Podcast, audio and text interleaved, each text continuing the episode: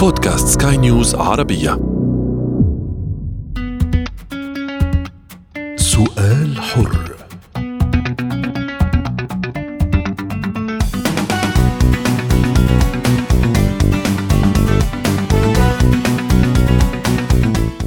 أهلا بكم مستمعينا الكرام إلى سؤال حر معكم طيبة حميد.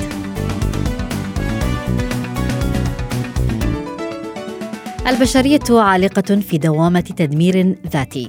جملة تثير القلق صادرة عن الأمم المتحدة لتحذير سكان الأرض من تأثير سلوكياتهم وأنشطتهم على البيئة. فرغم كل التحذيرات من مخاطر التغير البيئي يمضي الإنسان بلا توقف في أنشطته وهذا كله بات واضحا في الكوارث الطبيعية التي تجتاح العالم.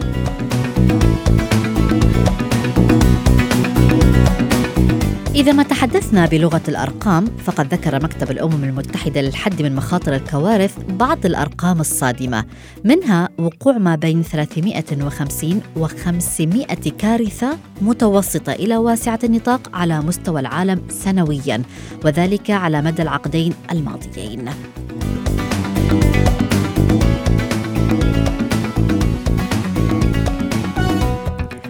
وقدر التقدير إنه أو تقدر التقرير عفوا إنه بحلول عام 2030 سيواجه العالم 560 كارثة حول العالم كل عام أي بمعدل واحد ونصف كارثة يوميا. التفاؤل أو عدم الاكتراث وعدم إعطاء الموضوع أهمية، تجاهل الناس لهذه المخاطر أو استبعادها، هذا هو الخطر بحسب الأمم المتحدة، فبعد ثماني سنوات من الآن ستزداد الكوارث وتزداد معها التكلفة. بحسب التقرير الصادر تم تقدير تكلفة الكوارث في العقد الماضي بما يقارب من 170 مليار دولار سنويا.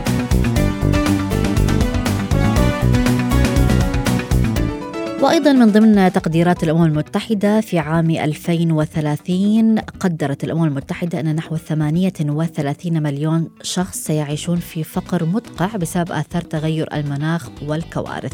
طبعا مع كل هذه التفاصيل لابد أن يكون هناك بارقة أمل للتخفيف من هول هذه الكارثة التي ستحل في العالم. فما هي هذه البارقة؟ وكيف نستطيع تجنب الوصول إلى هذه الأرقام الصادمة؟ هذا ما سوف نناقشه في سؤال اليوم من السؤال أو في برنامج اليوم من سؤال آه، حر ومن هنا كان السؤال الذي طرحناه على منصات سكاي نيوز عربية الرقمية فيسبوك تويتر وإنستغرام. ما هي معلوماتكم عن مخاطر التغير المناخي؟ سؤال حر.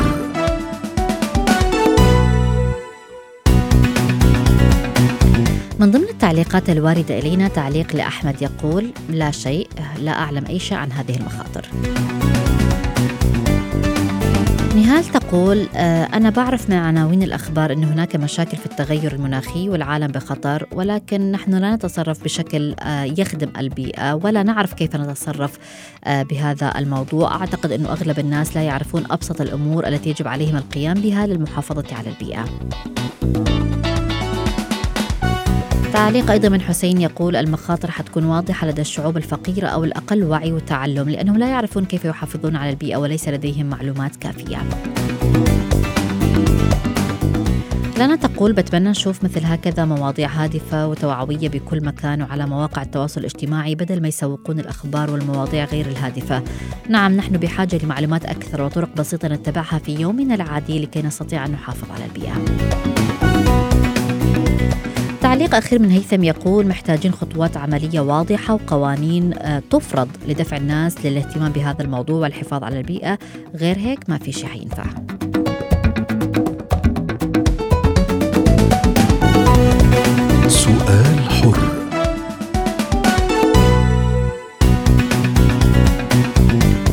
يسعدني أن أستضيف في نقاش اليوم من بيروت الخبير البيئي حبيب معلوف. أهلا بك أستاذ حبيب معنا اليوم. يعني في البداية أستاذ حبيب توجهنا بسؤال للمستمعين.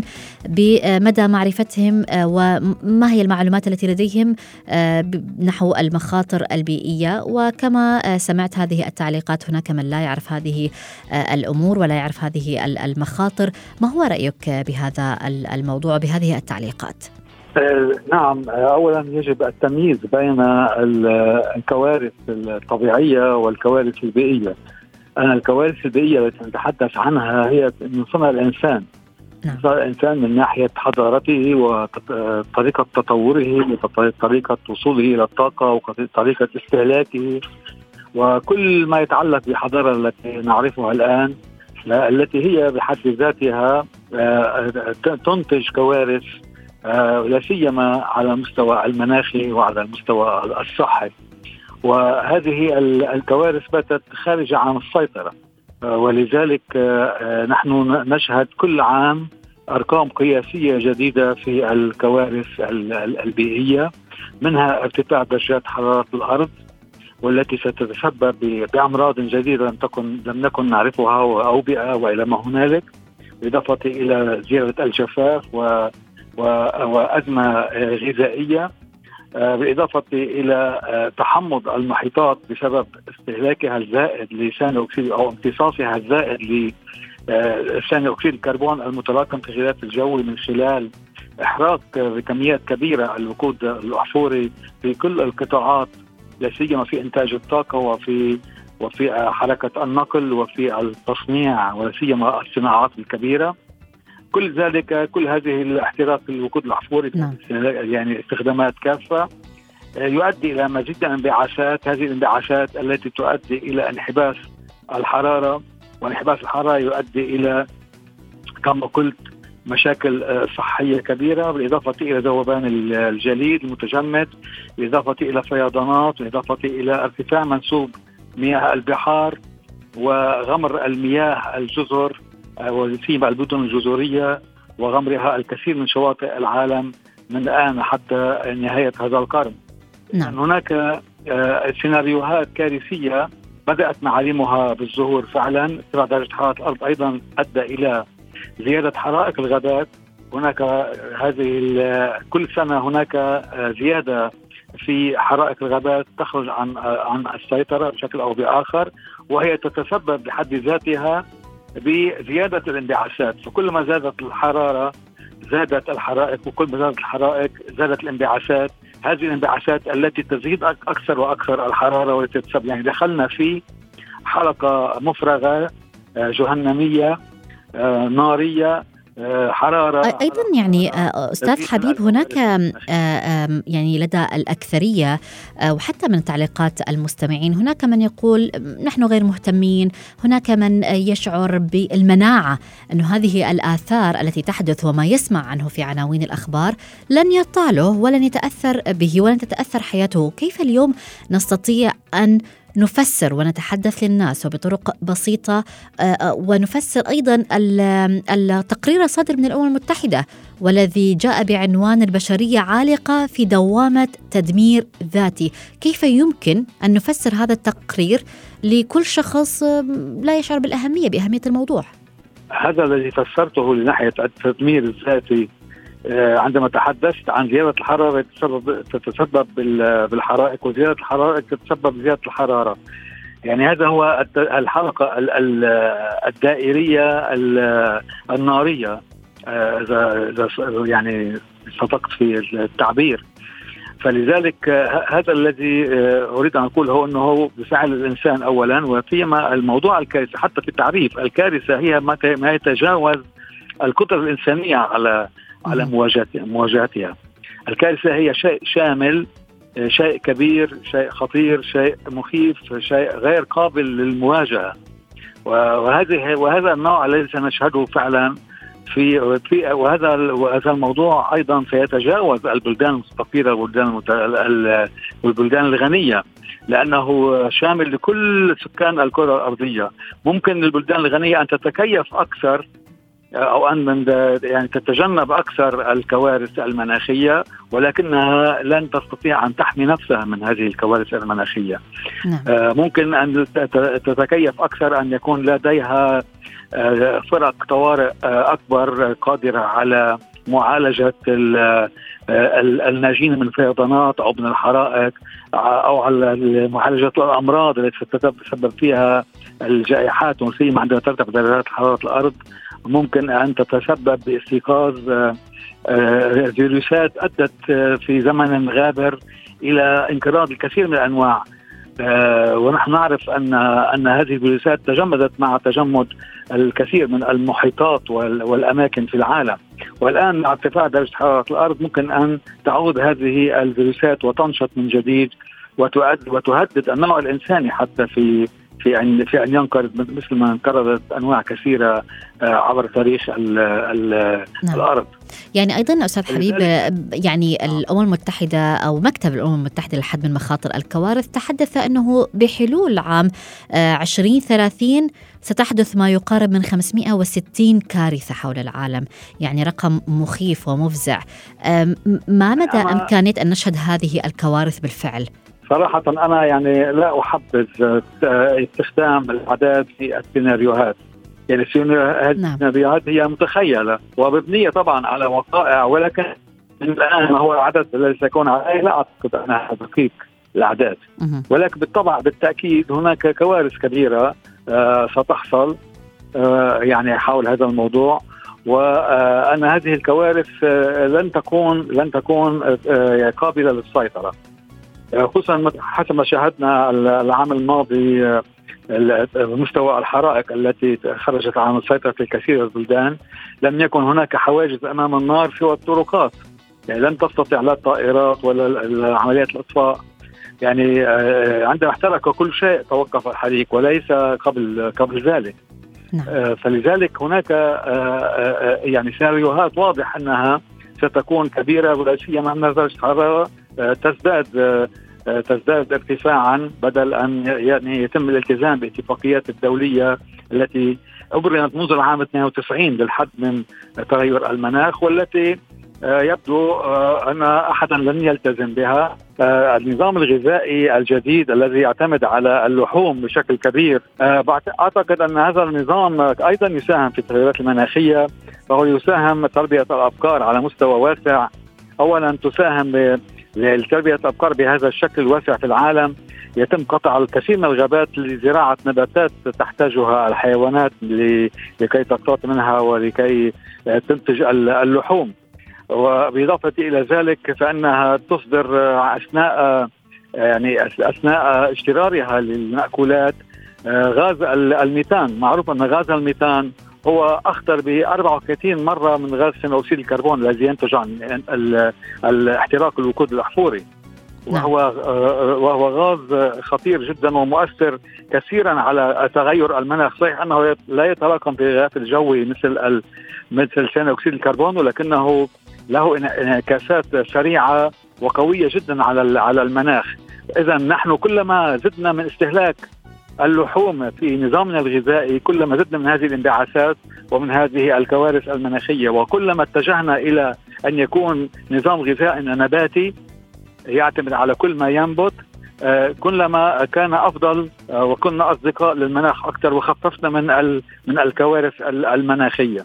ولذلك نحن نستطيع على المستوى الفردي أن يكون لنا مساهمات مهمة بموضوع معالجة قضايا تغير المناخ والتخفيف من من الكوارث المناخية والصحية لأن أيضا معروف أن معظم الأمراض الآن التي أو الوفيات أكثر عدد أعداد الوفيات في العالم ناجم عن سوء عن النظام الغذائي الذي يعتمد على على الحيواني. نعم. لأن كل أمراض سداد الشرايين وزيادة الدهون في الدم آه، ناجمة عن زيادة آه، استهلاك اللحوم كما ذكر. وحتى صناعة الغذاء أيضا وهي يعني. وهي أكثر يعني تسببا في الوفيات حول العالم أكثر من الأوبئة.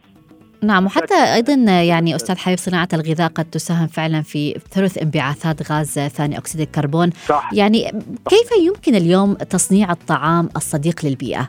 الحقيقة كلما اتجهنا إلى الأنظمة الغذائية النباتية آه، كلما كنا أقرب إلى ال ال ال إلى البيئة فعلا وكلما خففنا من الكوارث التي تحدثت عنها نعم. ولا سيما الحبوب والفواكه والخضار يعني هذه المنتجات تعتبر أكثر صداقة للبيئة وأكثر صداقة للصحة للصحة البشرية جميل آه طيب إذا ما تحدثنا آه. أيضا عن العلاقة التي تربط البيئة والفقر آه يعني خاصة آه هذا أيضا جاء في تقرير الأمم المتحدة والتي تحدثت أنه 37 نعم. هذا النظام أيضا يخفف من من عملية الفقر لماذا؟ لأن نعم.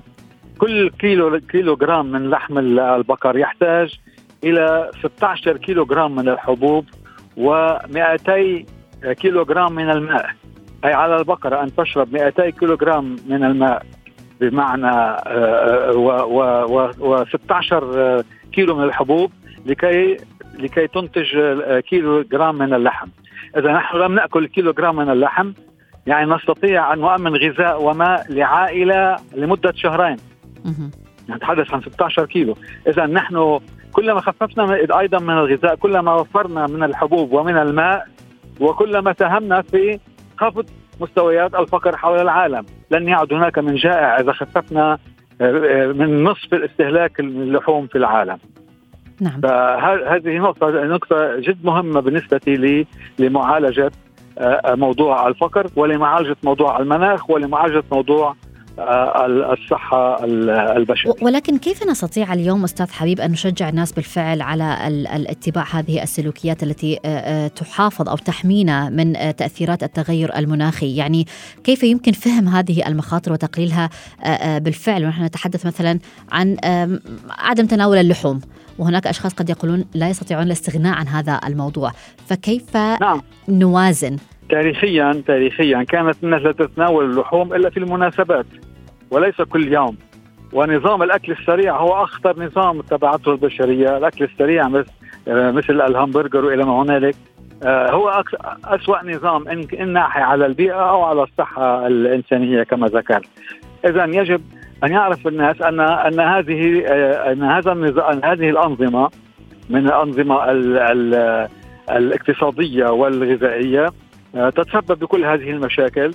وعلينا العودة إلى النظام الغذائي القديم. كل شعوب العالم كانت لا تأكل بهذا الحجم ولم يكن هذا التصنيع الغذائي بهذه القوة المسيطرة على العالم والمسيطرة على على وسائل الإعلام العالمية لكي يتم تسويق هذه المنتجات. علينا أن نعود إلى الثقافة القديمة وإلى الممارسات القديمة التي كما قلت كانت أقرب إلى الطبيعة وأفضل إلى بالنسبة للصحة العامة. نعم آه، طيب آه، يعني أستاذ حبيب في آه، يعني ختام هذا النقاش بماذا تنصح من أمور يجب اتباعها؟ غير هذا الموضوع طبعا اللي تحدثنا عنه للحد من تأثير التغير المناخي.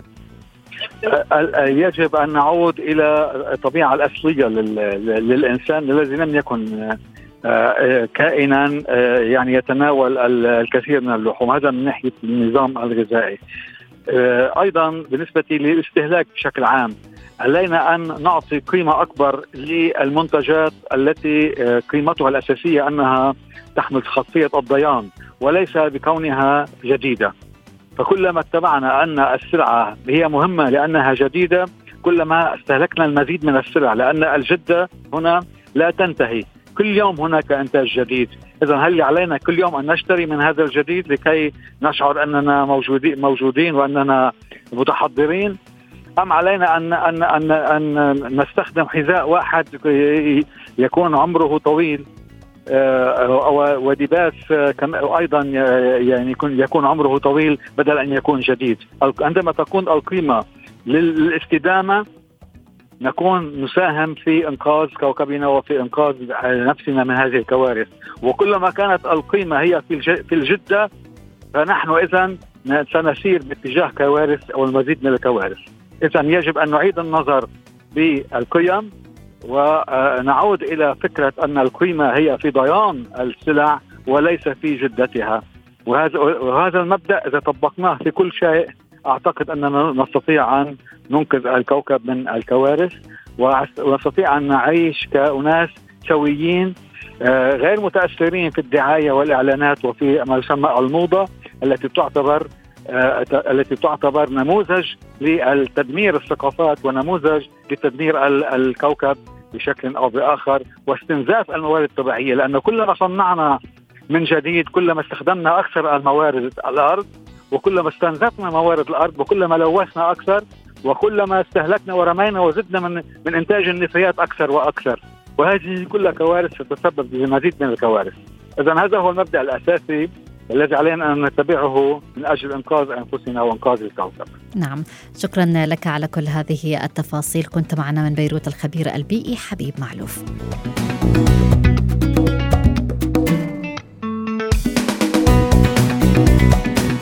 إلى هنا نصل وياكم مستمعينا الكرام لختام سؤال حر. كنت معكم أنا طيبة حميد. إلى اللقاء.